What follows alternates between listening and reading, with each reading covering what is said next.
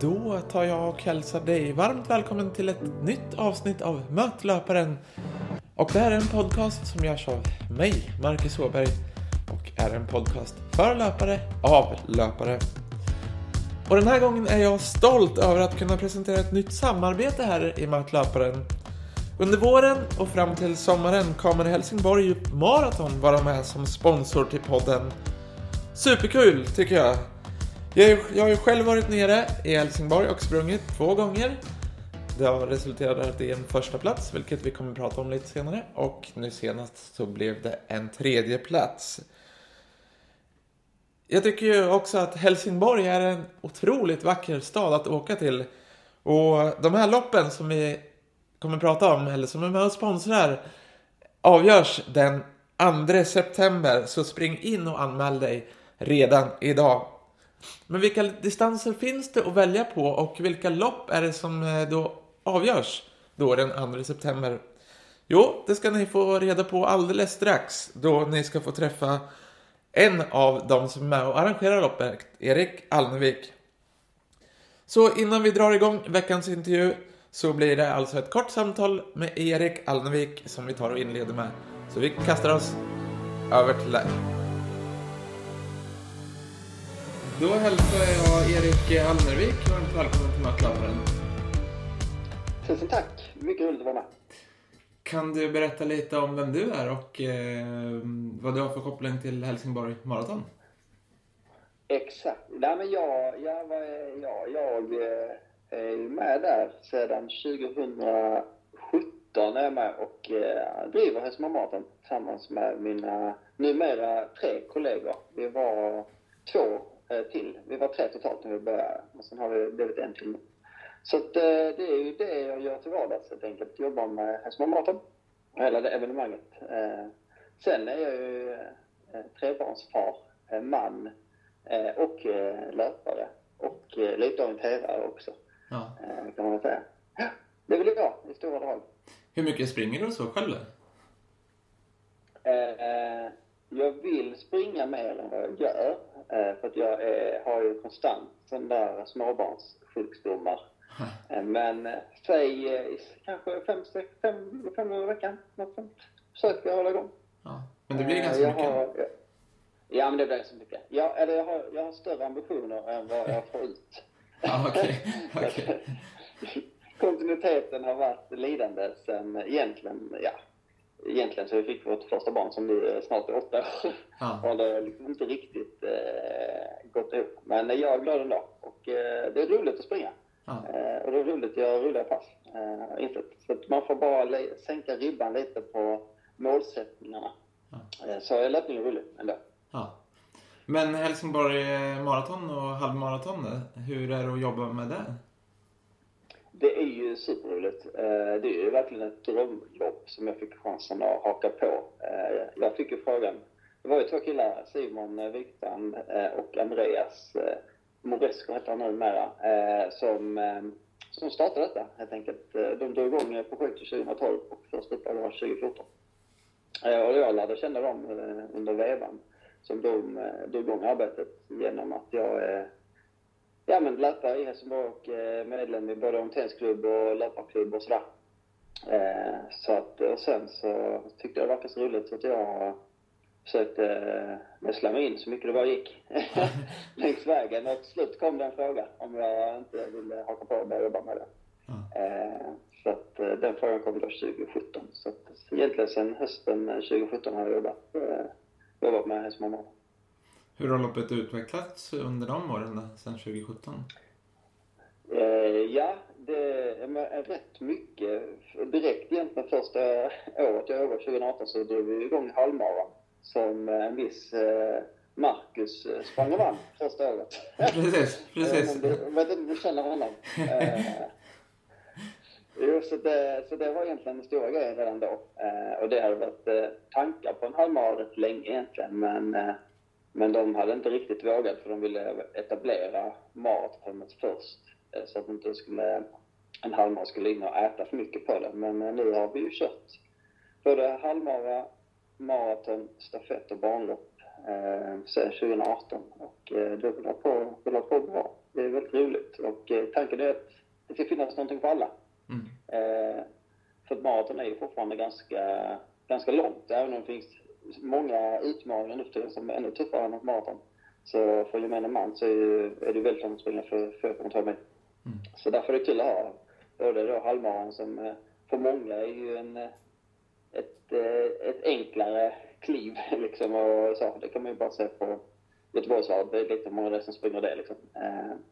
Och sen även stafetten då, som vi har en stafett både längs halvmaratonbanan, då sträckorna runt 5 kilometer bara. Eh, någon är 6 och någon är till och med bara 3,5. Och sen då en stafett över runt maratonbanan. Så att, eh, tanken är att det ska finnas, finnas något för alla, så att alla ska kunna vara med på det här evenemanget. Ja. Jag som har sprungit det, som du nämnde där, eh, jag är den Marcus då, ska vi förtydliga sambandet. eh, hur skulle du beskriva, jag som har sprungit men för den som inte har sprungit, hur skulle du beskriva banorna i Helsingborg? Ja men, ja, men exakt. Vi, banorna är ju inte... Det, det är vill man, eh, är det så att man är superelitlöpare eller väldigt ambitiös och känner att jag ska springa det allra snabbaste loppet jag kan hitta eh, så rekommenderar jag andra lopp. Eh, utan, loppen är ju banorna gjorda för upplevelsen. Vi vill visa upp så mycket som möjligt av Helsingborg och hitta de finaste platserna att springa igenom. Men om man tittar liksom på om man då jäm, det är ganska lätt att jämföra. Det finns ett, eh, ett stort eh, halvmaraton här som jag redan nämnt, Göteborgsvarvet. Eh, och vår halvmara, om man tittar på höjdmeter, så är det ju mindre höjdmeter än Göteborgsvarvet. Och även nu har Stockholm precis gjort om sin mara igen, sin bana. Så jag vet, jag vet inte riktigt, men jag tror ungefär det är samma höjdmeter förstår jag. Och vi, vår bana är ju inte tuffare än Stockholm, liksom. har till och med färre höjdmeter. Många tror ju att våra banor är väldigt, väldigt tuffa, men de är inte jättetuffa. Det går ju att springa väldigt snabbt, eh, det kan man se på halvmaran. Eh, Sami där, eh, som sprang otroligt fort eh, för ett par år sedan på halvmaran. Ja. Eh, Det var faktiskt den snabbaste, snabbaste tiden på en vanlig halvmaratonbana. Det, det var ju där efter pandemin, då var det mycket, många lopp som gick på eh, motorbanor och annat. Men om man tog en vanlig fast bana så var, hade vi den absolut snabbaste tiden. Vilket är bevis att det går att springa fort Ja. i Helsingborg också. Ja. Men eh, om man då lyssnar på det här och känner att man eh, känner sig sugen på att anmäla sig eller vill, ska springa loppet. När avgörs loppet och eh, hur anmäler man sig? Andra, ja men exakt. 2 september. Alltid, vi kör alltid första lördagen i september, så det är enkelt att hålla reda på. Så 2 september går det av. Eh, Och eh, enklast är ju att man bara knappar in sig på hemsidan som är HBGM, som är då en förkortning för Helsingborg Marathon, hbgm.se. Så där finns ju anmälan till alla loppen som vi har då denna samma dag liksom. Så allting går med en, en och samma dag. Så får man välja vad man vill, eh, så kan man ta med sig hela familjen. Så kan någon springa banlopp och någon springa halvmara, så kanske man eh, har lite kusiner som springer stafett och så springer man själv mara. Ja. Eh, så att, eh, nej men vi, om man går tillbaka till banan egentligen så vi vill ju att eh, det ska vara en upplevelse. Du ska känna att, det, att du får uppleva liksom Helsingborg. Du ska, banan går längs, mycket längs havet genom naturreservat och det blir slott och gårdar. Så att det ska vara en eh, härlig upplevelse för hela dagen. Och, eh, sen har vi avslutningen eh, är ju målet är ju precis vid, vid havet, vid Gröningen som är ett stort grönområde med trädäck och där. Så att där, när du väl har sprungit i mål så är det bara att slå sig ner på trädäcket. Kanske är det, är det gött väder så tar man, då hoppar man ner och tar sig ett dopp i havet.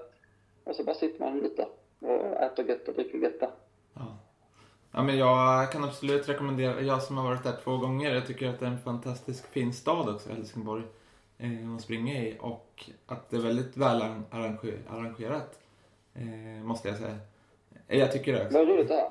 Så alltså det Ja, känns det väldigt det är proffsigt, allting Ja. runt omkring också. Eh, Vad kul det. Ja, men det var lite tankar från början också när det startade att eh, det fanns egentligen inte något riktigt eh, så här, eh, nu är inte Helsingborg ingen superstor stad, men ett, det vi kallar storstadslopp i liksom södra Sverige. Eh, utan då var man tvungen att åka antingen till Stockholm eller åka utomlands. Annars fanns det utan bara klubbmaratonlopp här i, i trakten. Så det var lite det som var tanken. Eh, Även om vi inte tror att vi kommer att bli lika stora som Stockholm så finns, vi vill ändå liksom uppleva ska vara att du kommer till ett riktigt storstadslopp och kä- får den känslan med det bemötandet. Ja, men just bara den här eh, att ni har livesändning på loppet, alltså det går att följa. Det uppskattar eh, dels jag och sen mm, jag vet mina, min familj och så vidare som inte var på plats eh, kan följa det bra också.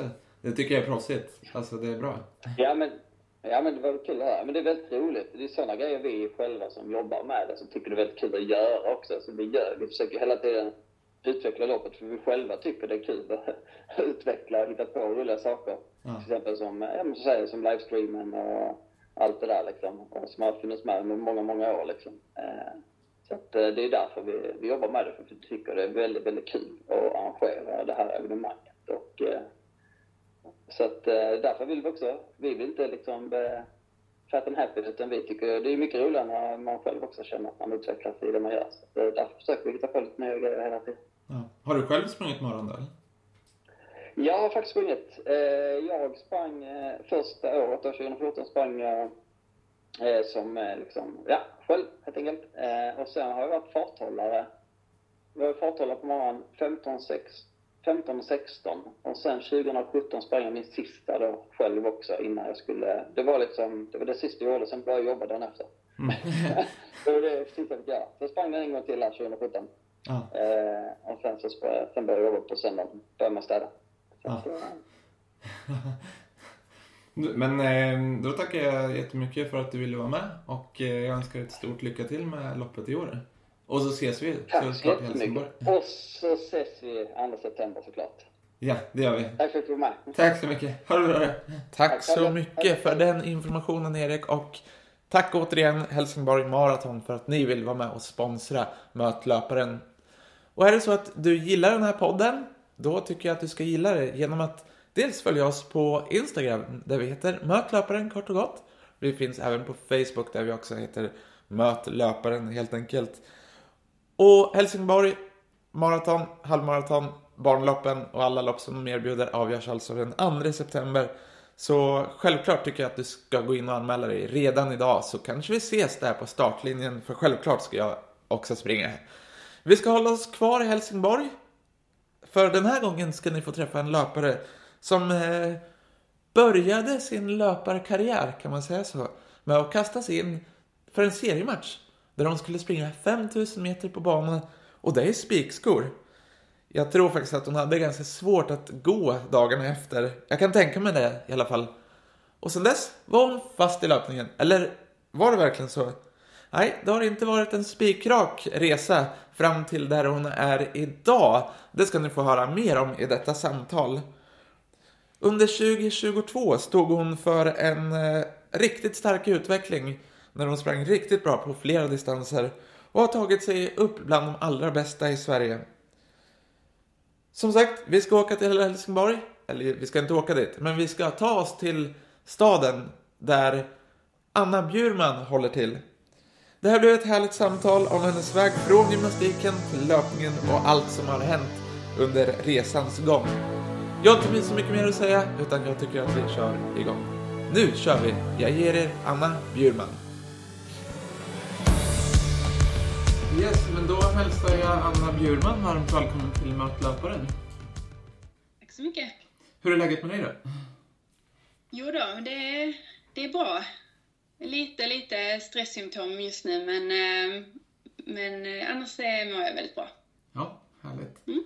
Eh, har du hört något avsnitt av Mötlöparen eller så tidigare?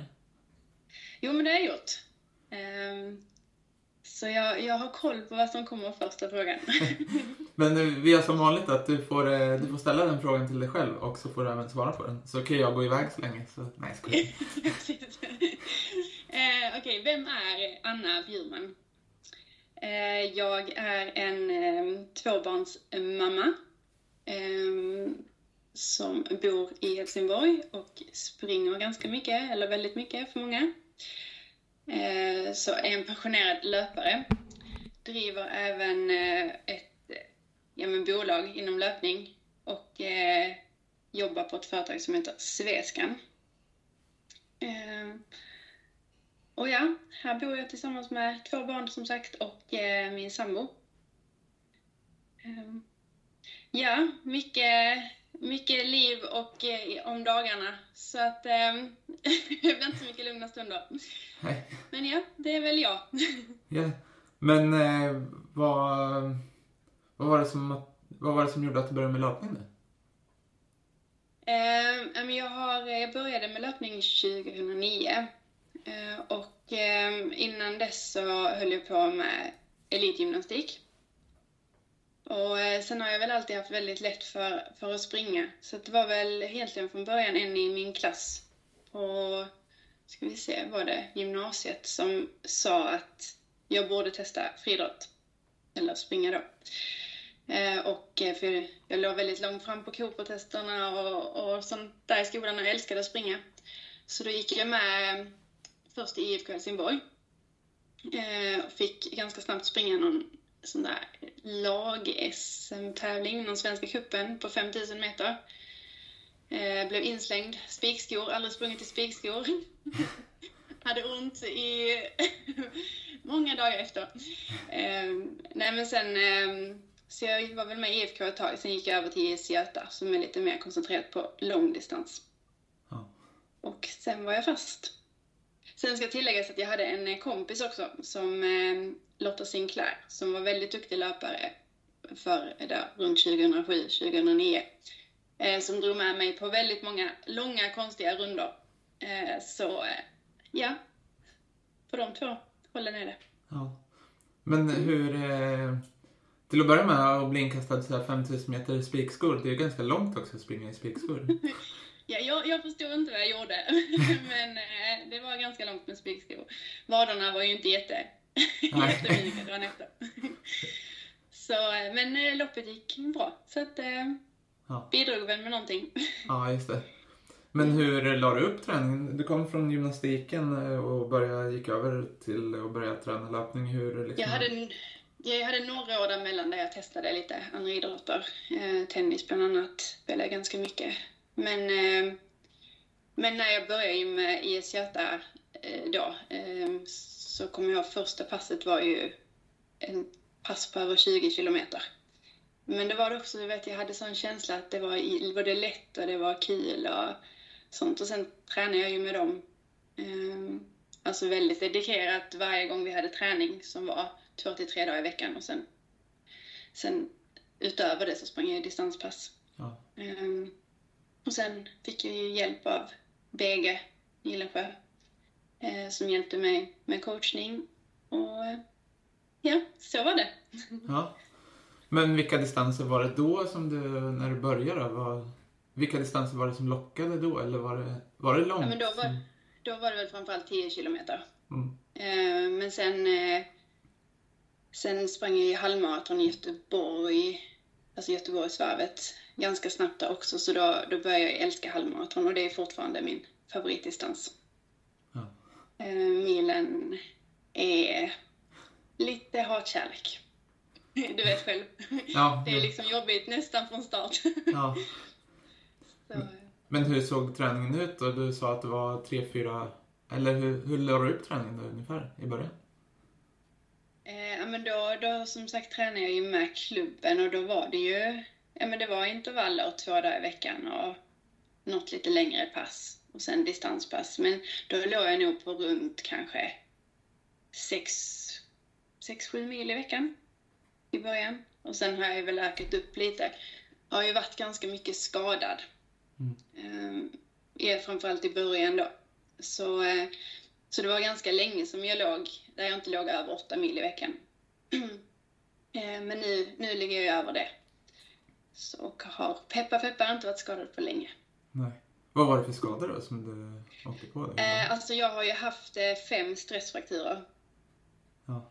Ehm, och ehm, jag... ehm, alltså från gymnasiet så hade jag väl... Jag vill inte... Ja, definition på ätstörning. Jag hade någon ätstörningsproblematik i slutet av gymnasiet och var väldigt smal. Så att jag tror att när jag började springa så var jag inte liksom tillräckligt stark, helt enkelt. Därav att, eh, att jag fick stressfrakturer. Så att jag fick ju... Ett år efter jag började springa så ehm, fick jag ju en stressfraktur i lårbenshalsen. Eh, så den, den fick jag ju operera. Mm. Så den blev två spikar in i höften och ehm, som är borta nu dock. Det har Mm. opererat bort dem. Och sen har det varit i smalbenet och det har varit i foten och det har varit i knät. Ja, då har du eh, fått din del av stressfrakturer. Jag, jag tycker att jag har få- fått min dos av det. Ja. Och nu är jag mycket starkare, eh, Ja. känner jag. Så jag hoppas att jag ska undvika dem framöver. Ja. Men hur gjorde du? Du nämnde där att du hade lite av den, eh, vad heter det, mm, ätstörningsproblem, alltså var för smal Mm. helt enkelt. Hur, eh, Ja, hur liksom ändrade du där? Eller det är ju inte så lätt heller att bara... nej. Nej, alltså det finns, ju, det finns ju väldigt olika grad på det där. Så jag vill inte klassa mig som att jag hade liksom anorexi eller något sånt. Men ätstörningar hade jag ju för jag åt väldigt lite och tränade mycket. Och, och eh, så i, där när vi hade gymnasiet, jag var nog som smalast där vi på studenten helt enkelt. Ehm, och eh, sen hade jag bestämt mig för att åka till Spanien och plugga spanska i Spanien efter sommaren. Mm.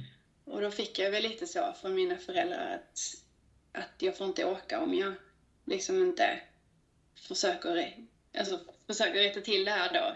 Och, så. Ehm, och jag tror inte att det blev nog inte så mycket skillnad, men, men de släppte ändå iväg mig. Och eh, det var ju en väldigt, väldigt bra... Med facit i hand så var det en väldigt bra resa för mig. Det var som att där, där förändrades någonting. Så jag, jag har inte haft någon jättelångvarig sjukdomstid. Ehm, men det var kanske ett halvår till ett år någonting. Ja. Så när jag kom hem därifrån så hade jag väl börjat gå upp lite i vikt och eh, mådde mycket bättre. Men vad, var, vad gjorde du för förändring då? Var det bara att du kom till en ny miljö eller vad var det?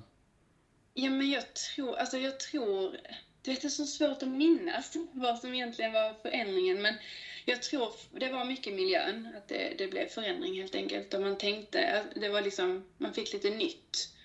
Eh, men sen var det väl framför allt också, ehm, eh, efter det här halvåret i Spanien så åkte jag till USA med en kompis också, lite, några veckor.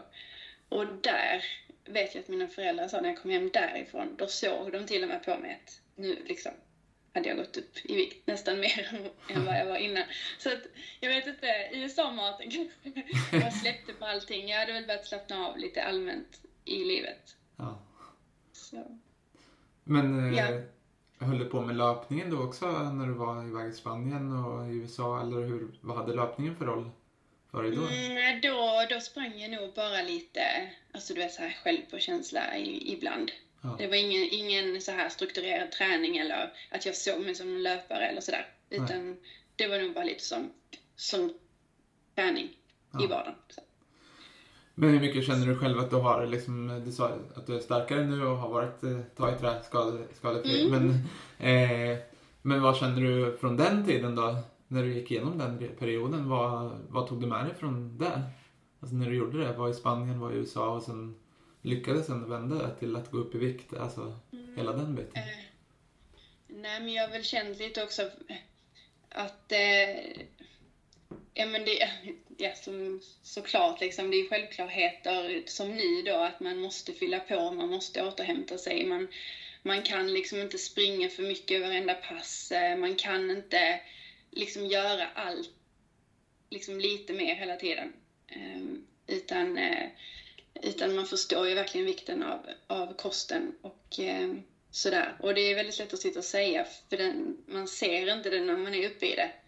Men, eh, men ja, det är väl, eh, det är väl framförallt det man har tagit med sig, att man, man eh, Ja, och sen kanske inte ta allt så extremt seriöst hela tiden.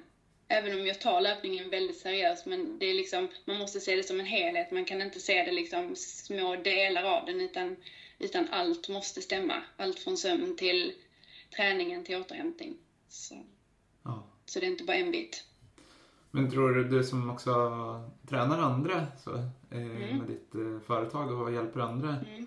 Hur mycket märker du av att, att om du tränar kanske har svårt att få den helhetsbilden utan man ser på enskilda pass eller, eller hur mycket tror du att du kan hjälpa till där och styra upp den biten? Liksom? Eh, ja, men framför allt så tror jag väl det här med att, eh, eh, att jobba mycket med att eh, liksom hålla sig till, liksom, är det tuffa pass, är det tuffa pass, är det lugna pass, är det lugna pass. Att man försöker förklara vikten av att inte köra alla pass alltså, för snabbt.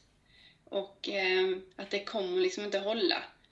Eh, det, det kan säkert bli en fin utveckling en månad, två månader. Men, men eh, liksom, alltså allt kommer ikapp och eh, så det där känner jag väl att där kan man verkligen med erfarenhet förklara liksom. Och sen om någon väljer att lyssna, det, får- men då har man i alla fall gjort allt man kan.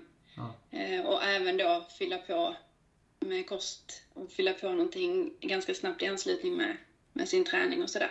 Ja. Mm. Hur har det varit Så- för din egen del? Har du blivit bättre på att hitta den balansen eller, eller har det varit så? Absolut.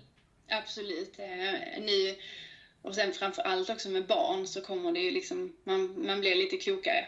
Eh, så eh, det blir mycket de, man kan liksom inte hålla på och krångla med sådana saker utan, utan man blir noggrannare med allt sånt också.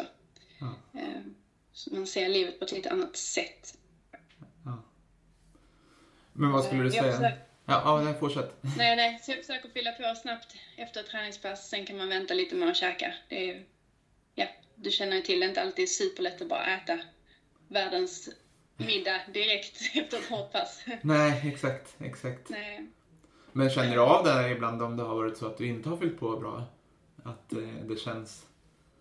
Eller alltså...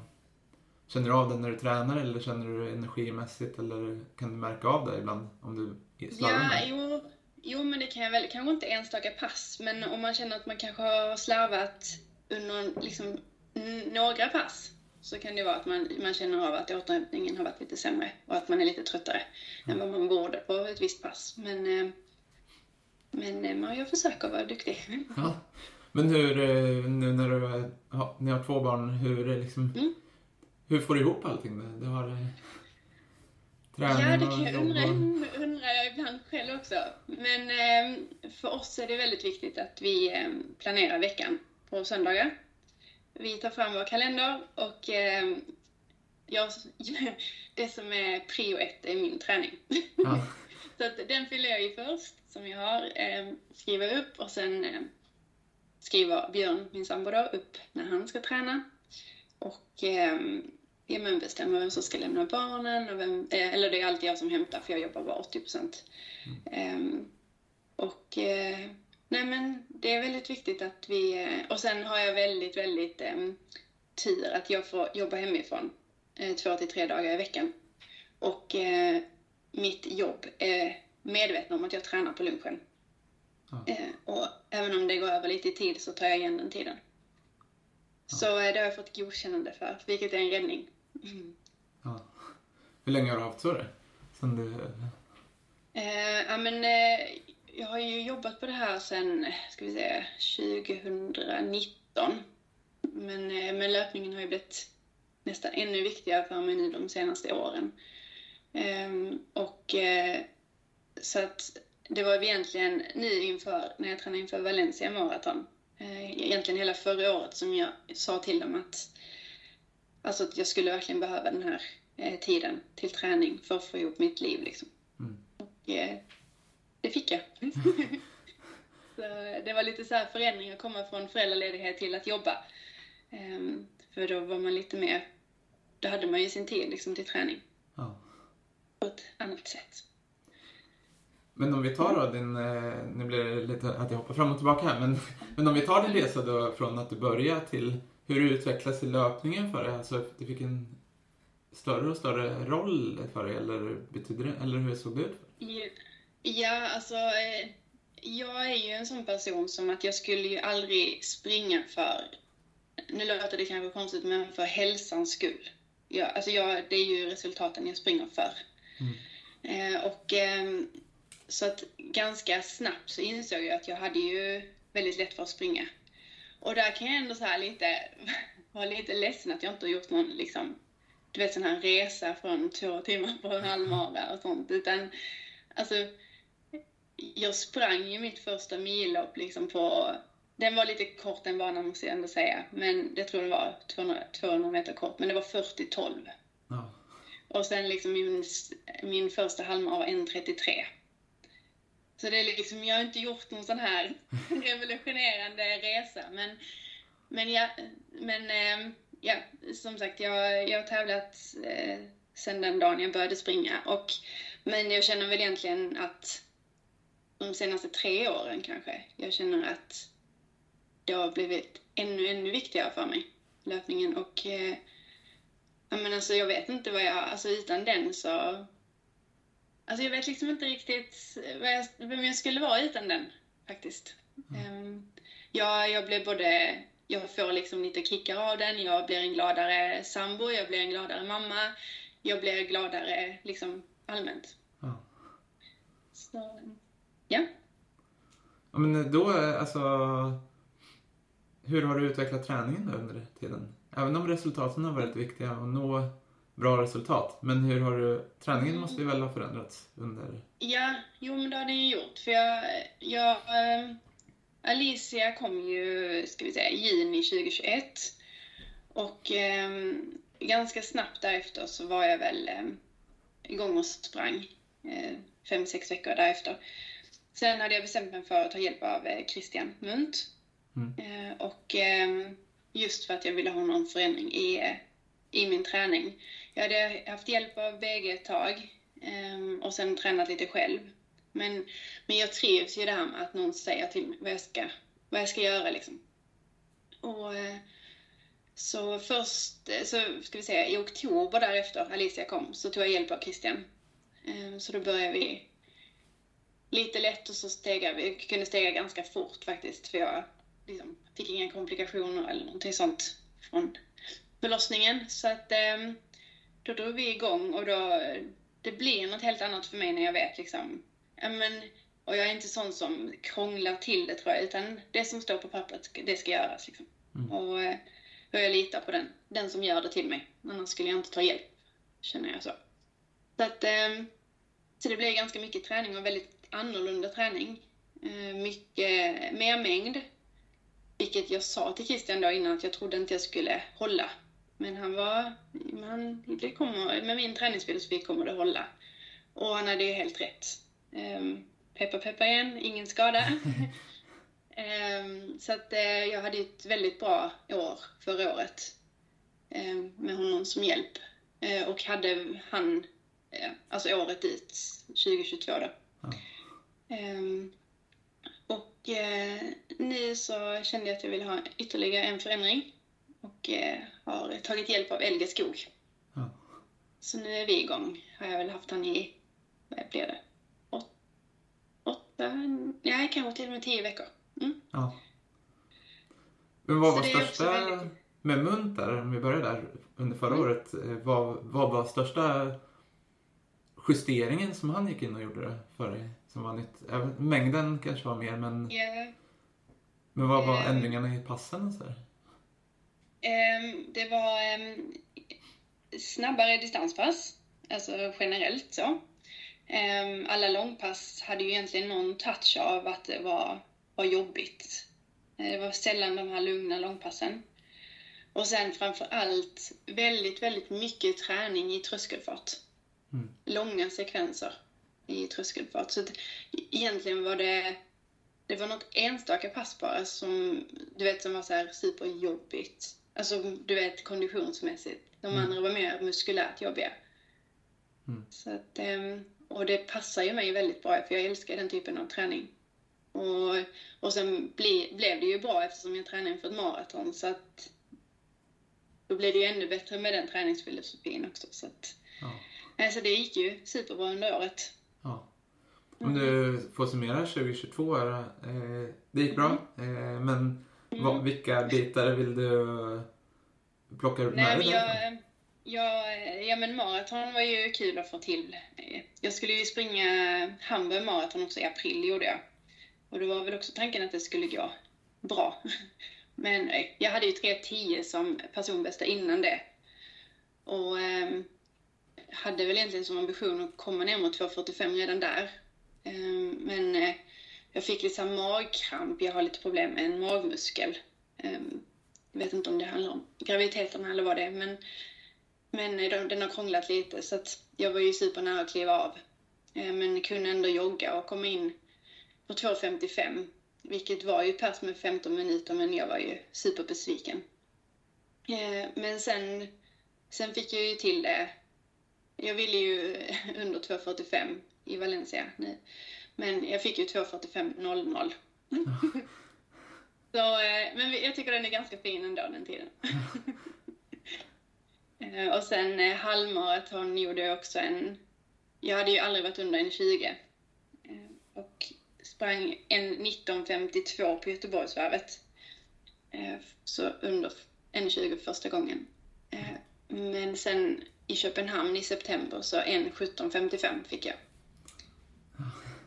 Så ja, så det blev men sen milen sprang jag bara ett lopp och jag persade men 36-24.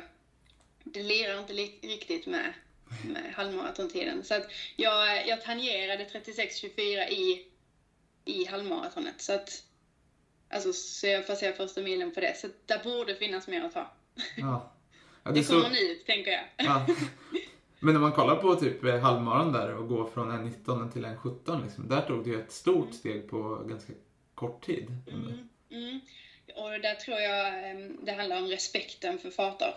Eh, jag vet inte hur du har känt, men ibland kan vissa, vissa farter låsa sig i huvudet. Att man liksom på något sätt tycker en fart är snabbt och då blir det snabbt fast det kanske inte egentligen är det. Eh, ja, det låter krångligt men...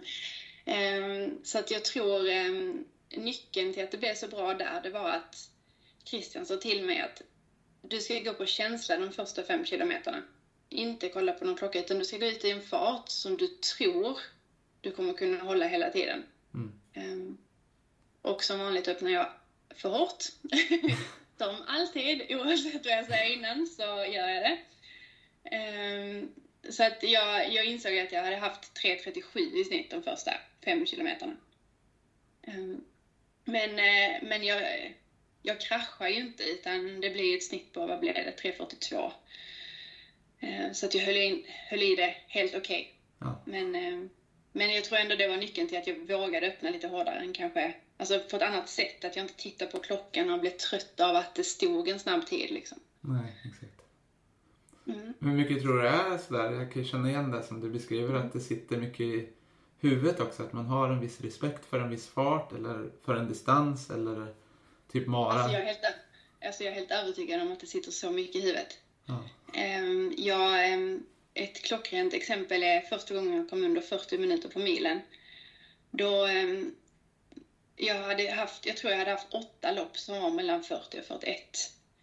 Och så var det Trelleborgsloppet. Eh, så på uppvärmningen så gick min klocka sönder.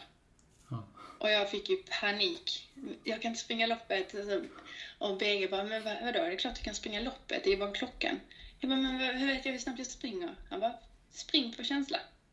Och då, då sprang jag utan klocka 39.57. Mm. Det är helt, alltså man tror liksom det är uppgjort, men 39.57 eh, och sen nästa tävling därefter sprang jag på 39.03. Så där har det ju suttit i huvudet ja. så mycket. Så ja, det, jag tror det är mycket att jobba med det mentala och farter och och våga liksom kanske Ja, man vill ju regga sina, sina pass och sådär, men man kanske kan vända klockan ibland eller någonting. Ja. Så, så att... Eh, nej, jag tror det kan ställa till det ganska mycket. Men hur mycket jobbar du med det alltså i, den, i träningen, liksom att våga utmana? För man måste ju pusha sig själv hela tiden till att, eh, för att ta mm. nästa, för att eh, liksom, ta nästa kliv, eller vad säger man? Ja, ja men precis. Um, Nej men jag, ehm, alltså nu har jag ju program så att det står ju vad jag ska hålla för farter liksom, men, men jag vet ju att eh, LG just nu försöker få mig till att alltså inte ha någon respekt för 340 fart. För ja. det är just där jag ligger nu att under 340 för mig, då, då går det ganska snabbt. Ja. Liksom där, ja. Även om jag sprungit en halvmara i 342 så är det fortfarande, jag är inte riktigt med där än att, det, att jag har gjort det. Så att eh, han, eh, han, eh, han lägger nog passen för att lura, lura min, min hjärna tror jag. Men hur mycket jobbar du så när du lägger program till, till andra? Jätte, Där är samma sak. Jättemycket. Ja. Ehm, jag försöker verkligen... Ehm, det är många gånger som folk har sagt men oj, jag springer nästan personbästa här. Du vet när man kan köra lite så här någon snabbare tising, någon långsammare och sen liksom en snitttid så har man det liksom snabbare än nästan sin totala miltid för att man har liksom lirat hjärnan. Ja. Och framförallt på motionärer som, som eh, där det kanske finns lite mer marginal än alltså, att ta av liksom. Ja. Så då, där, där har man lirat några stycken. Och det tycker jag om. Ja, men det, jag tycker det där är intressant, jag som också hjälper en del. Mm. Eh, alltså det handlar hela tiden om att hitta de där och lura huvudet att dels med farter och hur mycket man orkar faktiskt eh, klarar av. Mm, precis. Eh, Och det Ja, är man, för- ska, ju- man kan ju liksom, ja, man kan ju inte sätta liksom spring 10 kilometer i 4.57 om man liksom vill under 50. Det, då, det går ju inte. Men man kan ju, Ja. men man kan ju hitta få pass för att komma under 50. Ja, exakt. Ja, men sen går det ju också att dela upp det där. Alltså typ så här, nu sprang du ett kortare pass i överfart men sen när du går in i den här farten att så här, då känns den lätt i förhållande, alltså förstår du? jag menar? Precis, precis. Ja men absolut. Nej, men så det, det tycker jag nästan är en, liten, eh, en av de roligaste sakerna med att, att hjälpa, hjälpa andra. Ja, Alltså verkligen, eh, ja men, inte, kanske inte att kunna lura dem, men liksom ändå att se att de har mycket mer potential än vad de tror. mm. ja men det är kanske, lura är fel ord men kanske att få Ja. dem att, att in, så kan man ju vara själv också, eller jag vet inte hur du upplever det men att man kan begränsa sig själv lite att så här, ja men det där är för hårt för mig och sen klarar man Mm. det en gång, då är det som att man, ja men som i ditt fall att så här, Precis, precis. Jo men absolut, det är ju liksom tappa respekten för, för vissa farter och så. Så det, ja. mm. Nej, Men- Så det är spännande. Men hur ser träningen ut nu då för dig? Vad är största skillnaden om man jämför med hur du tränar med Christian kontra när du tränar med LG Skog nu? Eh, Mm. Alltså nu har vi lite olika fokus på, ehm, på vad jag, för nu så har jag inget maraton förrän till hösten. Så nu tränar jag faktiskt för 10 kilometer. Mm. Vilket, eh, ja, vad ska vi säga? Som jag sa innan, lite hatkärlek. Ehm, så att eh, jag ska springa ett, ehm, så skillnaden är ju liksom ganska självklar att nu är det lite kortare och tuffare pass utifrån alltså, puls eh, och kondition då. Så jag har ju inte tränat detta på jättelänge. Jag behöver ju bli snabbare. Ja.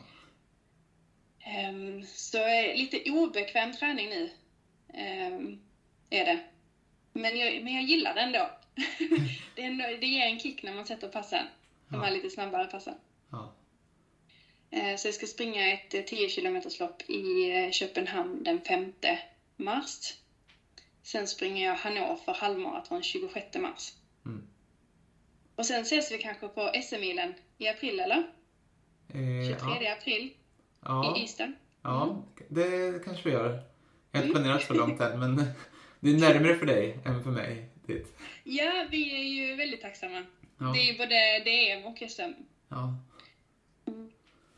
Men, men hur känner du där? Hur känns det att gå ner eh, till 10 kilometer och halvmara? Ja, men det känns eh, spännande på något sätt. För någonstans så känner jag också att jag måste ju, måste göra det för att kunna utvecklas på, även på maraton. Eh, man kan inte springa och persa på, på 10 kilometer i en halvmara. Då, då står jag stilla ganska länge. Så att, eh, nej men det känns, eh, det känns kul. Eh, och eh, LG är superengagerad i min träning och, eh, och jag har ju Malin, hans dotter, Mm. som vi är väldigt lik, lika liksom. Så jag har henne, hon kör ju, vi kör ganska liknande pass och så. Så att ehm, det är väldigt kul att ha dem, båda två. Ja. Men Fast det är känner 120 mil till dem. vad, vad sa du? Fast det är 120 mil till dem Ja, så... exakt, exakt. Men eh, hur mycket mängd ligger du på nu? När du kör den Mm. träningen för... Ehm, han, han kör ju ett, eh, en eh, filosofi om att ha tre tuffare veckor och en lugnare vecka. Och sen tre tuffa, en lugn. Så att jag har väl ehm, jag har legat på nu runt alltså 90-100 kilometer. Eh, och eh, en lugn vecka är på 70 kilometer. Och nu är jag nu lite mer mot Köpenhamn så kommer jag nog ligga mer runt 80-90. Ja. Så det är ju lite mindre mängd men lite tuffare pass då. ja. Vad låg du på förra, när du tränade inför maran? ungefär? Ehm, mell, ja, mellan 100 och 120 kilometer i veckan. Men hur känner du att kroppen svarar på det då, när du kör så här, när han kör en upplägget tre hårda veckor och en lugnare? Jag såg på din Alltså- Instagram att du tyckte att den eh, viloveckan var... Det var inte roligt. Nej. Nej, jag, eh, alltså jag förstår ju, jag tycker att det är en bra, alltså jag tycker nog att det är en väldigt bra grej. Men när man väl är uppe i den så, speciellt när man känner att man är i bra form, då, då vill man liksom bara köra på och, och det är väl lite där man kanske ska stoppa sig. Så det är ju helt rätt liksom. Det är lätt att köra på för hårt när man känner att man är, när allt funkar som det ska. Ja. Ehm, Men eh, jag, jag litar på honom fullt ut och eh, lyssnar på honom. Ja. Så, eh, så får vi se vart det bär. Har du satt något mål då för, eh, för vad du vill göra på, på 10 kilometer? Alltså nu då? Alltså jag vill ju, alltså för nu först och främst vill jag ju se en 35 någonting i alla fall. Ja. Ehm, Men sen, ehm, sen i Ystad då, 23 april, då, då vill jag ju, det hade ju varit drömmen att komma i alla fall ner på 35 låga. Ja. utifrån halvmaran så bör det funka. Ehm, Men eh, ja, det ska, det ska göras också. Och sen halvmaran, ja, ja, det hade ju varit eh, en 17 låga nu först i Hannover kanske. Men det är också, alltså på sikt vill jag ju komma ner mot en 15. Ja. Det är ju, så att jag, jag har ju ändå höga mål med löpningen.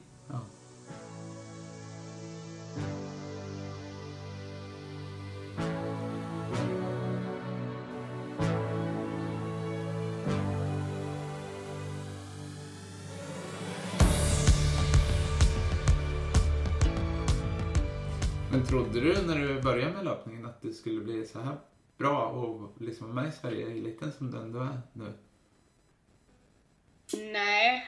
ehm, alltså, eh, jag, jag hoppades ju att det skulle, skulle bli så. Men så, du vet, när jag höll på med gymnastiken, så när jag började med gymnastiken och så, då, jag var liksom väldigt, alltså jag var väldigt duktig. Eh, och har alltid varit bland de bästa. Jag, jag tränade med folk som var äldre och jag, så att jag, jag har det med mig. Så att när jag ser då att jag ligger den väl var 10-11 i Sverige på maraton. Då tänker jag ju tyvärr bara så här. Fast där är 10 stycken som är för snabba. Mm. så att jag, jag ser, liksom, ser liksom inte riktigt eh, det stora i det, vilket är väldigt synd. Eh, men det är klart att jag förstår att det, det är alltså bra. Men eh, bättre ska jag bli, tänker jag. Men försöker du ändra på det här tankesättet att så här, ändå tänka att du är ju ändå topp 10. Det finns ju, majoriteten är ju inte så bra. Alltså, Nej, det är ganska många tjejer som inte är, eh, springer så. Ehm, och får man reaktioner från folk alltså utifrån, det är väl kanske då man förstår att, att det är väldigt bra. ja. Men, men det, vi har ju valt en lite dålig idrott utifrån att vara topp 10 i Sverige betyder egentligen ingenting. Nej. Alltså, alltså i- alltså om vi ska vara rent så. Ehm, så ja, man får väl träna lite, lite mer. Exakt. så man kommer upp den här topp fem i alla fall kanske. Exakt. Ja, men det är faktiskt intressant som du säger. Tänk ifall du hade varit topp 10 i Sverige.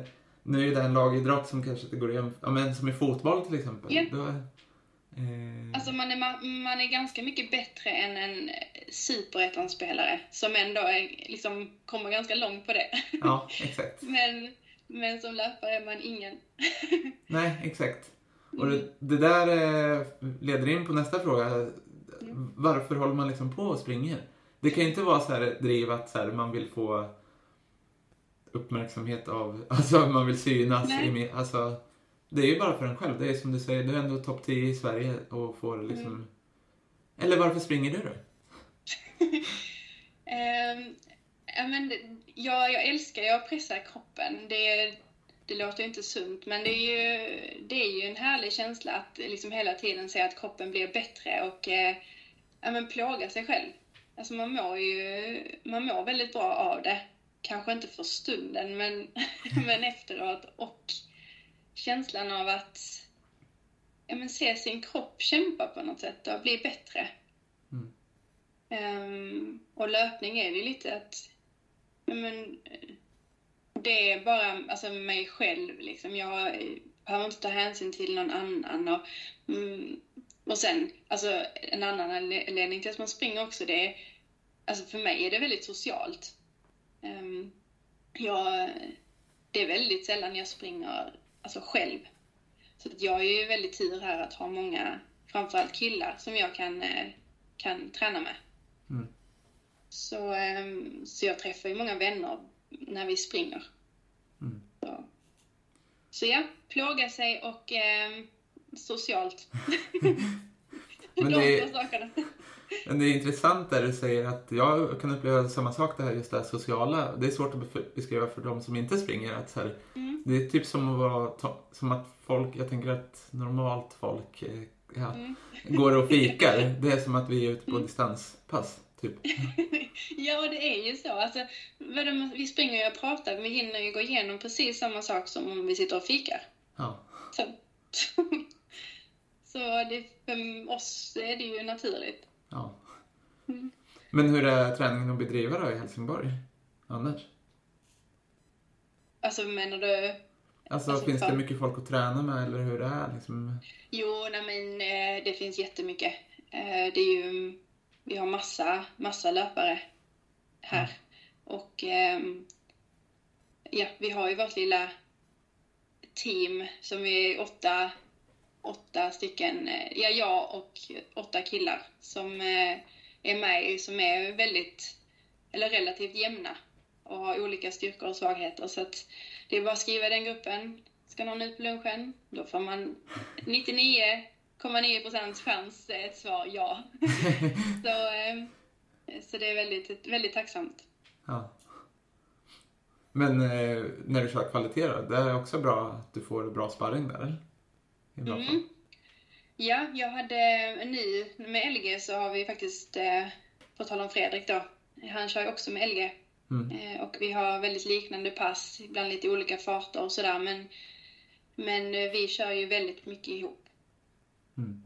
Så att, eh, det är supertacksamt. Och sen inför maratonet i Valencia, där hade jag också en annan i gruppen, eh, Micke Andersson heter han. Eh, vi körde väldigt mycket ihop, för vi, han sprang på 2.48. Och Så att vi, vi kunde liksom köra väldigt många pass ihop. Mm. Så jag fick bra sparring. Men hur mycket underlättar det? Även om det är du själv som ska göra jobbet så har du ändå dels sällskap och någon som kan också hjälpa till att dra. Alltså man blir ändå två eller fler som kan... Ja, ja men det, det tycker jag betyder supermycket. Um, jag är ju sån här att, alltså, jag är väldigt dedikerad till vad jag ska göra, så jag hade inte hoppat över ett pass för att jag inte skulle få sällskap, men, men det underlättar ju otroligt mycket om man kan köra det ihop. Um, alltså jag tycker ändå man, man pushar sig ändå lite extra eh, på något sätt. Och man kan hjälpa, någon intervall har någon lite sämre känsla och någon kanske bättre så kan man liksom hjälpa varandra och få den här pushen. Ja. Så, eh, nej, så det är supertacksamt, verkligen. Och nu när vi tränar mycket luncher, jag och Fredrik, det är också, har ju varit extremt tacksamt med tanke på både att man har familj och eh, ser ljuset lite på dagen och ja, nej, det har varit, eh, det är superbra. Ja. Ja, men det underlättar ju alltid när man har någon mer när man ska köra. Även om man inte hoppar över ett pass. Men det, det sporrar ju ändå. Ibland är det som du säger, någon har en bra dag, sen har en annan... Mm. Alltså då kan man hjälpas åt att dra varandra. Eller hjälpa... Precis. Och ofta som jag då är lite starkare på de här längre, sega passen och, och han är kanske starkare, han har ju mer fart än mig. Jag är inte alls lika snabb. Ehm, Så man, man hjälper varandra med de bitarna också. Ja. Just också när vi pratar om Helsingborg och där, där du bor. Hur har det liksom Mm. varit att springa eh, lopp där också? Eh, maran har, ju, har du sprungit. Mm. Eh, och Mm. halvmaran. Hur är det liksom att springa på sin hemmaplan? Eh, ja, men det är, det är faktiskt helt magiskt. Det, är, mm, jag, eh, nu det här, eller nej, förra året blev det ehm, så var ju först planen kanske att inte springa eftersom jag hade Köpenhamn som jag satsade på två veckor efter. Men då sa jag till Christian att jag, jag måste springa jag måste springa det på hemmaplan. Det, det känns liksom både fel för liksom, ja, men Helsingborgspubliken, men alltså på något sätt, de, de känner ju ändå till, eller inte alla ska jag inte säga, men känner till mig liksom och sen, eh, sen vill jag ju också visa mig där på något sätt och, och springa. Eh, men eh, så jag skulle ta det som ett lite, där jag inte skulle maxa. Eh, så att det här året, eller förra året då, fick jag, alltså det var så magisk känsla. Jag kunde, jag kunde ta in exakt allt som hände. Jag kunde säga tack till de som hejar. jag, eh, den här eh, förarmotor, eller den motorcykeln som kör Ja. framför den ledande då. Alltså jag bara, alltså vet hela det upploppet då, eller hela strandpromenaden. Jag, jag sprang med så här gåshud eh, på hela kroppen för att jag bara kunde ta in allt som hände. Så att det var verkligen magiskt. Ja. Hur mycket kan du, eller hur mycket tänker du tillbaka på den, alltså så här, och kan ha med när, du, när man gör träningen också? Ja, men den, eh, just den känslan kan jag faktiskt, faktiskt eh, tänka på ganska mycket. Och framför allt om vi nu tänker tider och resultat, att, att jag springer på en 20.04, alltså lätt. Eh, Att man kan också, om vi nu tog resultaten, att eh, både det och känslan, hur härligt det är att springa där. Ja. Mm. Men hur, alltså, jag vet ju känslan som du beskriver, eh, Mm, alltså det är ju helt oslagbart när man har den känslan. Ja. Och du sa tidigare att du kanske inte har gjort den här superresan från eh, fyra timmar på, alltså, Nej, men du har ju ändå gjort en, en bra resa sett utifrån, alltså, du har ju ändå, du går ju hela tiden framåt liksom. Jo, alltså jag känner jag har absolut inte nått, eh, alltså eh, toppen än. Ehm, och det är ju, det är ju väldigt eh, skönt i, i löpning just att man inte behöver vara 20 år Nej. för att pika liksom, utan så att, ehm, nej, så jag, jag håller ju fortfarande på med min resa eh, som, eh, som startade på lite högre nivå än kanske en helt vanlig motionär då. Ja. Så, eh, så den får bli lite mindre i minuter, men det kan ju vara mer värdefullt. Du vet, det blir ju sekunder nu som man blir glad över. Ja. Men jag kan också tänka mig för din del, alltså även för min del, och att känslan kanske är bättre när du springer på 1.20 idag till exempel Mm. än när du sprang på 1.20 för bara några år sedan. Alltså, som du sa Ja, att nu kan du ändå ta in publik och allting runt omkring. Mm. Jo, men verkligen, så är det ju. Så att eh, man känner ju att man har utvecklats ganska mycket eh, på det sättet också. Så att, Ja. nej, så det, det blir bättre och bättre. Ja. Men om man kollar på, eh, vi pratade lite tidigare om skador och så, nu har du varit skadefri där, men vad tror, hur har det varit med skador de senaste åren? Ehm, jag har... Jag hade tendens till löparknä. Eller jag hade ett löparknä. Mm. Ehm, ska vi se. Det var under när jag hade Christian. Ehm, men det, det tog bara... Jag fick hjälp ganska snabbt. Och eh, Eh, det var en dag jag var ute och skulle börja springa så bara vek sig hela benet. Så, eh, vet, sen var jag ju korkad nog att springa ett två timmars pass haltandes för att jag trodde det skulle gå över. Ehm, sen, eh, ja, men sen fick jag ju hjälp och det var ju löparknä. Så att, det var egentligen bara fyra dagar utan, nej vänta, nu ska vi se. Två dagar utan träning och sen typ sju, åtta dagar utan löpning. Så jag cyklade sen. Ja. Så det är väl inga större, tänker jag. Det, det är bara det jag har haft. Ja. Hade du löparknä nu? Eh, ja, precis. eh, vad glad jag såg ut av att fått det. Nej. Nej, men jag misstänkte att det var det och sen så tog jag tag i det ganska fort. Så jag tänker att det går nog, nu får jag vila. Jag ska testa att jogga här om några dagar. Eh, men jag var ganska förberedd på det när jag gick dit. Att så här, jag tänkte att det var det, det var de symptomen liksom. Men eh, jag har blivit bättre tror jag med åren att så här, inte... Ah, det blir väl en skada men då får jag väl ta det därifrån tänker jag. Mm. Eh, att så här, det var det jag skulle fråga dig om. Att så här, jag tror att för min del att eh, jag hade nog tagit det hårdare för några år sedan. Att så här, ja, men, shit, nu är jag skadad och blir stressad över det. Men eh, man ligger ju så på, på gränsen liksom med träningen att det blir ju en konsekvens. Alltså det kan ju komma en skada. Men hur Alltså man jag tacklar tycker det. också att det, det, alltså vill man utvecklas på, på den här nivån så som du säger, man måste ju på något sätt ligga på gränsen. Mm. Ehm, alltså hitta precis balansen och ibland så faller man väl säkert över lite på, på fel sida. Ja. Ehm, tyvärr hör det väl till eh, just för utvecklingens skull. Men eh, det är aldrig kul när man hamnar där. Men eh, sen, sen kan det ju vara som i, i vårt fall att man, man känner kroppen så väl så att man kanske, kanske avbryter ett pass istället för nu sa, sa jag att jag sprang vidare. Det var dumt. Eh, men, men lite klokare tycker jag ändå att det har blivit generellt. Att man, man avbryter om det, om det är något som liksom inte känns bra kroppsligt. Eh, så. Nej, exakt. Så att, eh, mm. Men det är svårt. Jag tänkte på det när jag, jag tränade för någon dag sedan när jag fick den eller jag hade fått känningen lite, någon dag innan. Tänkte jag, men då jag skulle köra kvalitet så var jag värmde upp ändå och jogga allting. Eh, Så tänkte jag, ah, eh, det kanske går ändå att köra. Och så körde jag några strides och sen så kände jag liksom, ja men det känns ju, det blir ju onaturligt steget liksom att man spänner sig på ett annat sätt. Men det är alltid den här sköra gränsen i huvudet att så här, jag tänker så i alla fall, att så här, är jag lat nu som liksom hoppar över det här? Eller är jag smart? Mm. Eh, och så sa jag till min fru när jag kom hem att eh, ja men eh, jag kanske har blivit feg liksom, med åren. Att, så här, jag kanske skulle, ha- det kanske går över. Liksom. Men eh, samtidigt så är man ju kanske klokare. Alltså det är en svår gräns det där när man ligger på, Absolut. som du säger, när man vill utvecklas också. Så här, Mm. eh, Ja, det, det är jättesvårt för man känner ju inte sig, man känner sig lite misslyckad om man går av ett pass.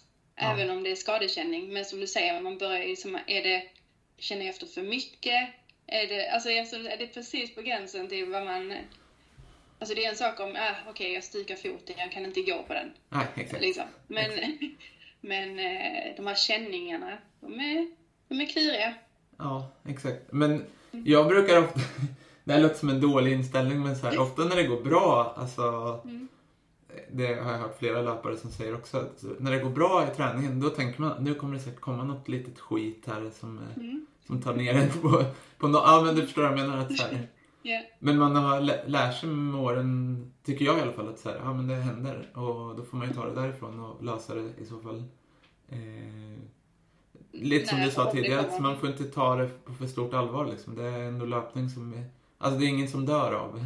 Nej, Eh. nej men precis. Det finns ganska mycket större problem. Även om det precis där och då man kan känna sig, uff, att det är som att det är sitt största problem. Men det är ju inte det. Nej. Om man tänker ett steg längre. Och jag, jag, låt- man låter alltid så klok nu när jag säger det här känner jag. Men jag är inte så klok när jag väl står där. Alltså, så här, eh, Jag känner mig också klok, ska, ska du Ja. Men, eh, ja. Men det är ofta lättare, eller jag vet inte hur du känner inför det men det är ofta lättare att säga åt någon annan att göra så här. Ja men det är klart att du ska stå över det här om du känner av. Och sen står man där Ja. själv. Och, och alltså så här, ja, ja men du förstår vad jag menar. Ja men det är ju så självklart att, säga till någon att eh, liksom, om de har varit förkylda, ta, ja, men, ta en extra, eller liksom varit sjuka till exempel, ta nu en extra dag vila eller ta någon jättelugn jogg. En annan bara, fast nu är jag frisk, nu kan jag börja direkt. Ja exakt, exakt. Ja men det, Ja, nej, jag vet inte, men man kanske blir klok, lite klokare har jag väl blivit förhoppningsvis. Men, ja. Nej men jag tror det också. Ja. Vi, vi säger det.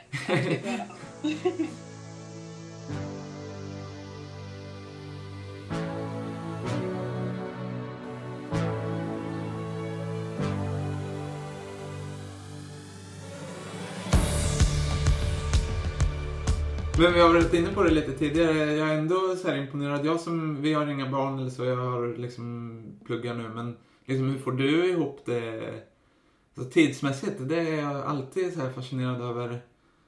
Både när det gäller män och kvinnor, att så här, man får till så mycket löpning ändå i sin vardag Mhm. och hinna med det andra. Alltså hur... eh, Ja, alltså jag, jag är ju väldigt eh, noga med att, ehm, att jag vill vara väldigt mycket med mina barn när, eh, när de eh, liksom inte är på förskolan. Och, ehm, så därför, därför har jag först och främst, då, som jag sa, valt att jobba 80 procent för att få mer tid med dem. Ehm, och jag har liksom lite så här, en, en kväll i veckan har jag liksom så här, tillåtit mig själv att jag får träna Mm. Där vi liksom inte sitter familjen och käkar ihop. Eh, det är ofta måndagar för då är jag alltid på jobbet. Ehm, så, ehm, så då springer jag ofta när Björn har kommit hem.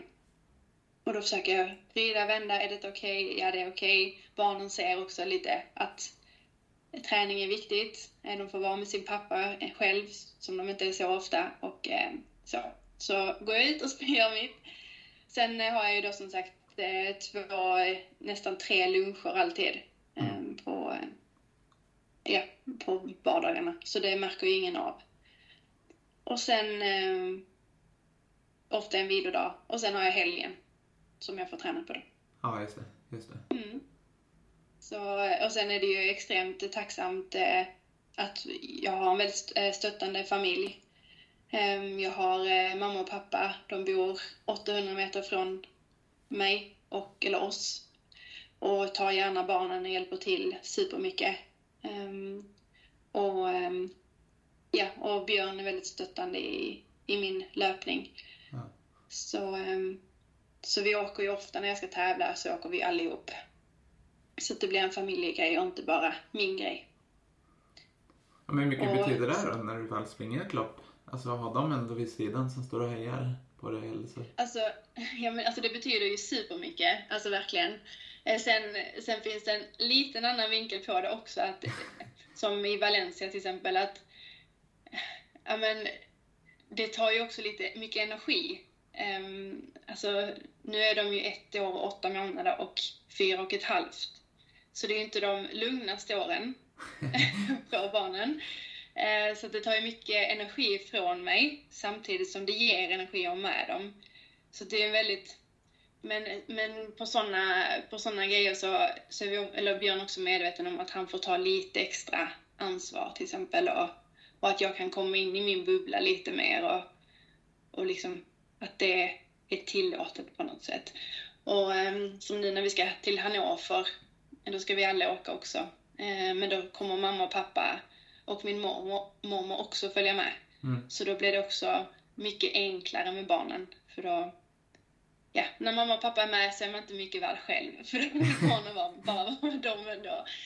Så, um, nej men så där blir det ju mycket avlastning. Ja. Mm. Så ja, det är så vi får ihop det. Så um, ja, nej det, det är väldigt tacksamt att det funkar. Men jag tänker det, hur är du som person innan ett lopp då? Är du en sån som går in i din egen bubbla som är lite... Eh... Mm. jag kan nog upplevas ganska sur. Ja. Um, jag vet att jag har lite löparvänner som är lite mer um, sprudlande och lite, du vet, mycket energi som ska ut och glada och vet så. Och, och jag är liksom, alltså jag är, jag är väldigt taggad, men jag är väldigt um, taggad liksom inombords. Så att jag, jag tror att jag upplevs som lite sur. Ja. Så då, jag vill helst inte att så många... Jag, jag är gärna själv då. Ja. Så om man har träffat dig på en tävling innan start, då är det inte att du är sur utan då är det bara inne i dig själv? ja, absolut. För jag är annars en väldigt glad person. Ja. så ja, nej, så då, då är det inte alls min mening att vara sur utan då är jag bara fokuserad på vad jag ska göra. Ja. Hur går då tankarna under, eh, om man tar typ en, en mara eh, som är väldigt lång, det kan hinna mm. hända väldigt mycket. Hur, hur liksom tänker du under ett lopp? Då? Um, jag bryter väl ofta ner det. Um, det är helt omöjligt att tänka att man ska springa 4,2 mil direkt. Um, utan um, ja, vi kan ju ta Valencia som ett exempel nu när jag sprang hur jag bröt ner det. Så jag börjar ju bryta ner det i femmor. Mm. Första femman, sen 10, 15, 20 och så halva. Där var det ju liksom, där funkade det liksom rätt så smärtfritt. Och sen Eh, ja men du vet, sen tänker jag så himla mycket. Så vänta, ska jag upp till eh, 25? Ja. Och sen så, de har 15 kvar. Du vet inte hur många gånger jag delade upp dem i mindre bitar och eh, räknade på tider och... Eh, alltså jag... Vet så låtsades jag, ja men ja, du hörde själv när jag sa 15 kvar, jag låtsades som att det bara var 40 kilometer. när jag hade passerat 25, så nu ska jag bara 15 till. Och sen så kom jag ju till 27, så bara, vänta, nu är jag på riktigt där det är 15 kvar. så bara, och vet, jag, eh, så det var väldigt eh, små bitar jag delade upp. Sen tog jag två kilometers bitar och lite så. Ja. På en Mm, halvmara? så jag, jag lurar, lurar mig själv att det var 40 kilometer i alla fall. Ja. För de sista två klarar man ju alltid ändå. Ja men på något sätt gör man ju det. En halvmara är bara 20 kilometer också. Ja. Ja, just det. Men hur tänker du? Delar du upp loppet även på en halvmara eller hur tänker du det? Är skillnaden på... Ja, jag hade faktiskt också eh, nu med Christian när jag sa det här att jag skulle gå på känsla de första fem kilometerna. En superbra uppdelning som jag tyckte. Det var att eh, ja, men ta känsla upp till fem kilometer. Sen de här mittentian då, från 5 till 15. Att ta det i fem gånger två kilometer. Det var superbra för mig. Och liksom lappa efter två kilometer, efter två, efter två. Fick superjämna två kilometers tider. Och är man efter 15 på en halvmara då är det ju... Alltså, det är ju superjobbigt men... Men någonstans ser man ju slutet på det. Så, ehm, så där är det ju bara liksom, man ska bara in i mål. Ja. Men jag tyckte det passade mig. Eh, han sa att jag skulle dela upp två gånger tre kilometer sista biten men eh, jag vet inte. Jag, jag klarar en trea, sen var det nog bara, jag ska bara 500 meter gånger sex. du vet, lite så. Men, eh, men de där två gånger fem tyckte jag var superbra Ja. i mitten där. Ja, för det blir ju alltid den där mitten, eh, alltså första fem hittar man ju ett flyt eller en känsla. Mm. Sen är det ju de där eh, 10 kilometerna i mitten. Sen klarar Ja. man ju sista biten också. Ja, ja men precis. På något sätt har man ju sig i mål. På något sätt. Men har det hänt att du har brutit någon gång? Mm. Det har jag gjort. Jag ska bara se här. Um, jag har nog inte brutit en halvmara. Och inte en mara heller. Jag har brutit 10 km lopp har jag gjort. Ja. Mm. Det, du vet den här, eh, jag hade ganska mycket prestationsångest tidigt, alltså väldigt tidigt i min eh, tävlings, eh, alltså karriär eller vad man ska säga. Och, eh, och den här fyra minuters farten som spökade. Och du vet, kom man då till halva man kanske hade, vi säger då, liksom 20, 20-10 till exempel. Då, då kunde jag bara ställa mig och strunta i det. Hur har du jobbat med det? här? Eh, det har varit mycket att bara tävla och ehm, försökt då liksom kanske vända klockan och liksom inte titta så mycket på den. Och, men det, det mesta har nog varit att bara liksom bara tävla, tävla, tävla och försöka liksom Ja men alltså du ska i mål. Alltså, och jag har tagit, faktiskt haft några tävlingar där jag har eh, där jag inte tänker att jag ska maxa heller utan att jag ska eh, ta det liksom, alltså klart att det ska vara jobbigt men du vet eh, den här sista procenten som kan vara vidriga på ett millopp att, att man håller igen den. Eh, så att man bara genomför loppen. För jag kom in i någon lite dålig period där jag bröt, tror jag, tre lopp på raken. Mm. Så då, då sa jag till mig att du ska i mål i alla fall. Um, sakta ner farten lite, lite. Och, ehm, men bara du ska, du ska i mål. Det var liksom det. Ja. Så så fick jag göra några tävlingar. Ja, För det är ju lätt att fastna i den där cykeln att det blir så här att man kliver av så fort det känns lite Mm. dåligt. Men det känns ju lite dåligt ibland ofta på lopp. Alltså, Alltså om vi ska vara helt krassa så är, känns det väl egentligen aldrig riktigt bra på ett millopp till exempel. Alltså man är ju trött, alltid. Alltså sen kan det ju vara bra, alltså lätt, bättre trötthet men man är ju trött liksom. ja. Det, det, det är man ju så att, ja jag vet inte. Det, men det är milloppen som har spökat lite för mig. ja. Och där känner du nu i år att nu kommer du ju ställas lite mer inför att springa fler millopp också. Alltså, Mm. Jo, men jag tycker det ska bli kul och, ehm, och ehm, min, eh, min sån här nu att det är att jag liksom ska ju inte hoppa av dem. I så fall får man på något sätt eh, jogga i mål. Ja. Eh, Förutsatt att man inte är skadad då såklart. Men känns det bara dåligt liksom, då, då ska jag i mål. Så att man inte sätter någon sån trend igen, där man bara bryter. Nej, exakt. Och man kan ju också tänka så här om du har en dålig dag eller ett dåligt lopp. Du kommer ju säkert Mm. springa på en bra tid ändå som är en bra lägsta nivå Ja. liksom. Då vet Jo, jag att så här precis. kan det vara om det går dåligt. Eh, vad är det värsta som händer liksom. Eh, Ja, jo men det är ju det. Men det är, det är svårt. Alltså det är ju säkert en bra tid, som du säger, ändå. Alltså jämfört med liksom majoriteten så är det ju en bra tid. Men det är nog bara liksom vad man hade för förväntningar innan som man... Det är därför man känns lite misslyckad. Men, men eh, i mål ska jag. Ja. Om jag inte liksom är skadad eller det är något liksom sjukdomskänsla. ja exakt, exakt. Mm. Men hur länge tror du att du kommer hålla på med löpningen nu? Ja, min sambo har ju sagt att han ska slå mig när vi är 80. så, så ja, tills han har slått mig kanske.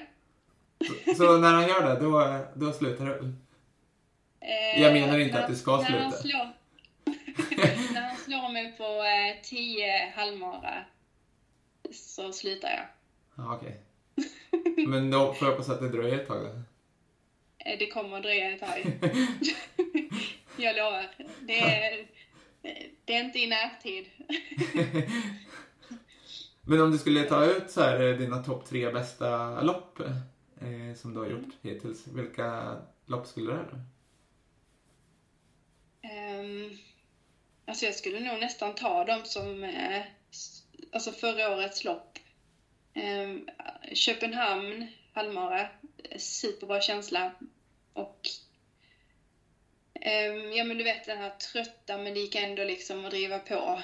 Perfekt känsla liksom och, och personbästa på det. Ehm, sen Valencia får jag nog också sätta som en av mina bästa lopp. Det var, jag tror inte det kan bli en bättre känsla på ett maraton. Det var superjobbigt sista sju kilometerna men det kommer man heller inte ifrån om man ska springa sitt snabbaste. Um, min liksom halva och fram till 25 var, var liksom superhärlig. Um, sen, sen har jag ju men Helsingborgsloppen. Um, den, det jag sprang nu 2022, ja jag vann och, och hade den känslan. Den, den, eh, det får jag nog också ta in som topp tre faktiskt. Ja. Mm. Men hur, hur känns det nu? Du har ju haft en väldigt, väldigt bra 2022. Nu går vi in i Mm. en ny säsong.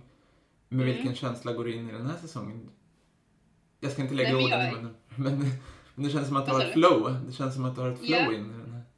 Jo, men det har jag verkligen och jag, eh, jag känner att jag har mycket kvar att utveckla så att jag, jag är väldigt ehm, eh, optimistisk att det ska gå väldigt bra även i år. Det finns liksom inget som tyder på att det ska, inte ska gå bra. Och nu idag lite fokus på andra distanser ska bli skoj.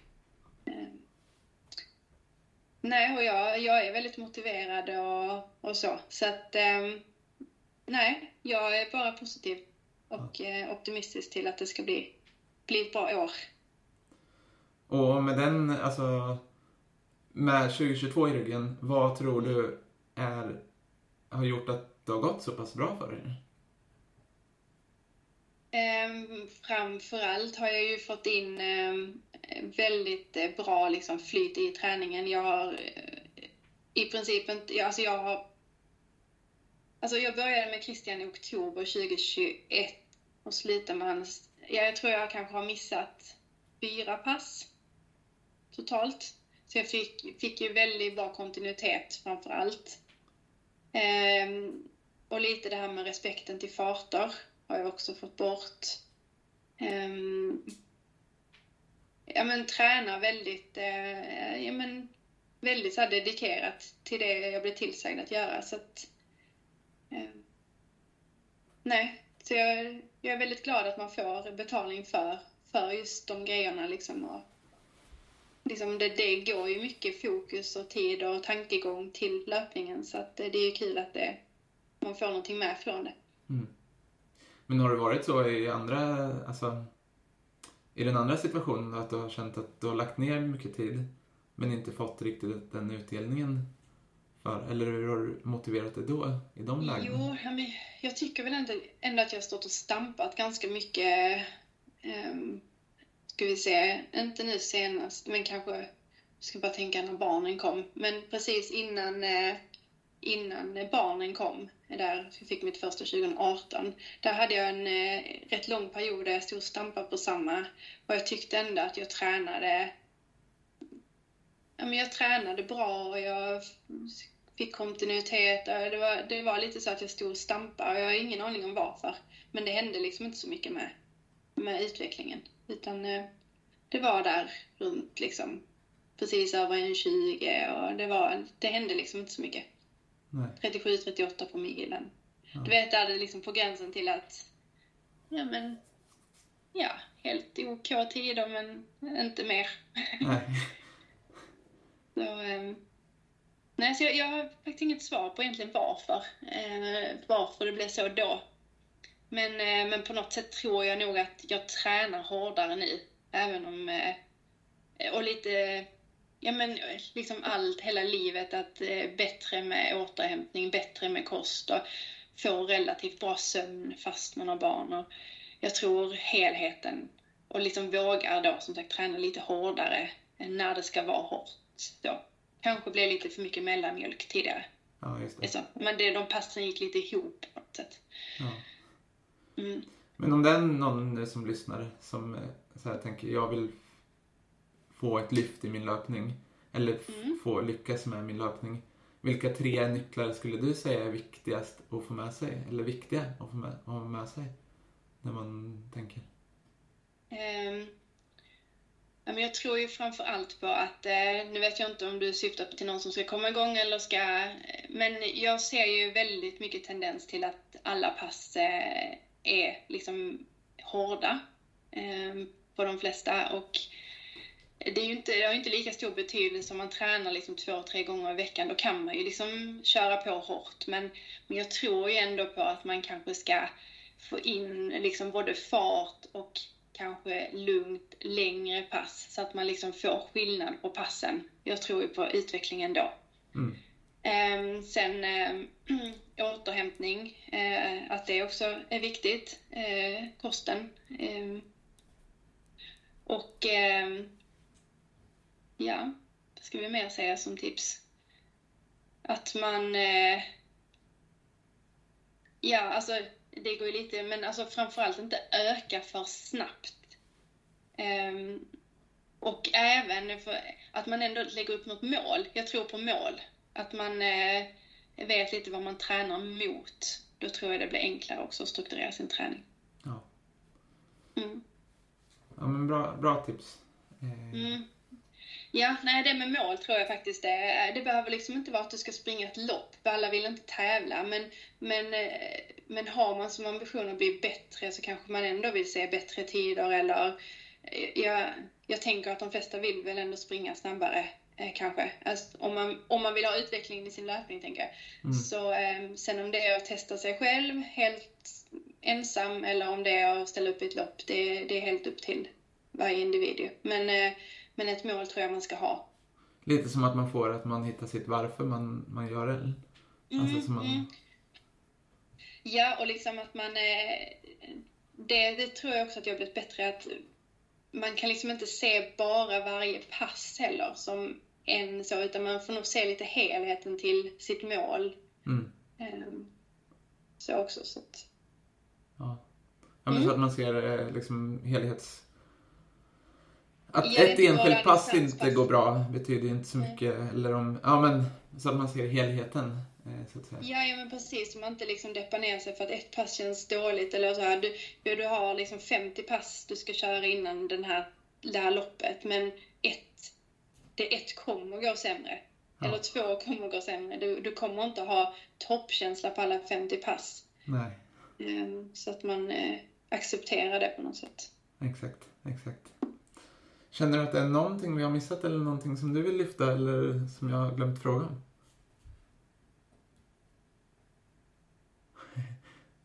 Det var så många frågor som jag inte har ställt. Så du, nej. Nej. Du har nog fått det mesta av mig tror jag. Ja, jag har nog eh, delat med mig av det mesta i min eh, löpkarriär, tror jag. Men en sista fråga bara. Vad är det då som driver dig till att dels lägga så mycket tid på eh, träningen och sen... Eller vad är det som driver dig liksom till att göra det? Um, alltså för mig är det ju eh, att bli en bättre, eh, bli en bättre och snabbare löpare. Jag, jag vill ju liksom på något sätt se hur, hur bra jag kan bli som löpare. Så det är ju, låter kanske för många konstigt, men eh, resultaten är ju absolut nummer ett för mig. Ehm, och sen älsk, jag älskar liksom resan dit också, så att jag, jag älskar att springa. Det är många som säger att man kan inte säga att man älskar, nej, fast jag älskar att springa, det gör jag. Så att, Um, inte exakt varenda pass, men, uh, men väldigt ofta så tar jag på löparskorna med, med glädje. Och går ut och, uh, och beredd att göra jobbet mot resultaten jag vill. Men då händer det ofta att folk eh, säger så? Att man kan inte älska... Ja, men, ja, men alltså de ty- jag, är, jag som människa är väldigt så här... Um, jag är lite så happy happy människa. Vet jag, jag lyssnar på glad musik, jag är mello-fantast och jag, alltid, men jag ska alltid ha glatt runt om mig. Ja. Ehm, jag är inte så djup människa. Ehm, Och, eh, och så tar jag gärna sådana ord som jag älskar att springa. Och då, bara, fast allting kan inte vara så glatt och man kan inte tycka om något så mycket. Bara, fast jag gör det. Ja, Att det är jag. ja. Men apropå det här med musik, jag har noterat det att du har kört mycket Melodifestivalen på dina träningspass, på dina reels och så vidare. Det. Melodifestivalen betyder mycket för dig. Alltså det, det, det är fantastiskt skulle jag säga. Ja, Ehm, Jag, ehm, jag har ju alltid Mello i öronen när jag springer. ja, Eh, Och eh, sen har jag alltid sån tur att jag fyller ju år den helgen, eller alltså närmst den helgen där Mello har sin första deltävling. ja. Så då blir det liksom alltid kalas och Melodifestivalen. ja. Så, eh, så då är jag jätteglad. det förstår. Men vilka är dina topp tre låtar då? Om du får tipsa om... Åh, du alltså. Alla. Alltså jag har inte fått någon som håller med mig och eh, alla skrattar åt mig. Ehm, men alltså jag kan inte välja tre. Alltså jag har ju alla de här, alltså Fame, så här, Vindarna vänder och sen eh, ja men Pernilla Wahlgren och eh, Erik Sade och Anders Bagge.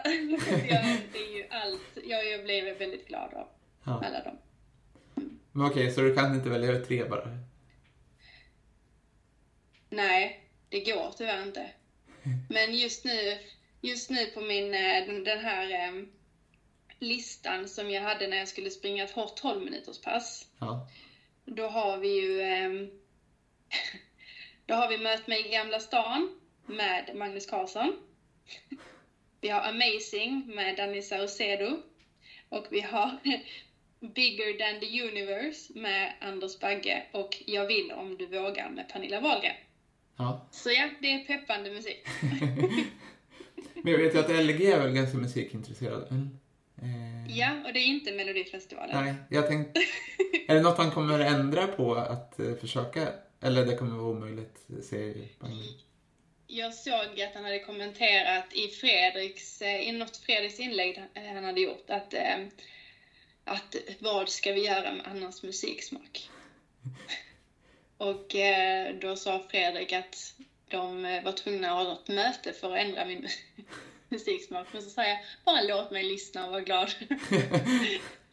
så det är inte de som hör det, det är ju mina öron. Ja, exakt. att, eh, Exakt. Om du inte har en högtalare. Jag vet, jag, jag vet att du har hörlurar, men du kan ju ha en högtalare på gymmet. Det... Jag bara sätter den vid mitt, Ja, exakt. vid mitt band. Jag har mitt löpband som ingen annan får ta och eh, där är en högtalare med Mello. Då Exakt. kanske ingen tar mitt band om jag Precis. sätter dit en sån. Det är alltid ledigt vid löpbanden numera. Ja. Bra idé faktiskt. Jag Exakt. behöver aldrig bli orolig att det är taget. Det Exakt. bandet jag vill ha. Exakt. Nu födde jag en bra idé här. Eh, bra. Mm, bra. Ska låna någon av Fredriks alla högtalare bara. Exakt. Han har väl några stycken. Ja. Ja, men, eh, tack så jättemycket för att du ville vara med och så önskar jag stort lycka till här med eh, träningen framåt. ja, tack så jättemycket för att jag fick vara med. Ja, Och tack. lycka till själv. Och Ja, tack. lycka till med ditt knä. Ja, tack. Tack. Bra, bra. Ha det bra. Bra, hej. Tack så mycket för att du har lyssnat på detta avsnitt av Mötlöparen där du fick träffa Anna Bjurman. Och jag önskar Anna stort lycka till under kommande säsong och hoppas att det går riktigt bra för dig. Och tack återigen till Helsingborg Marathon som är med och sponsrar podden. Och är det så att du gillar podd, denna podd, då tycker jag att du ska gå in och gilla oss på Facebook där vi heter Mötlöparen och följ oss på Instagram. Där heter vi kort och gott Mötlöparen. Konstigt va?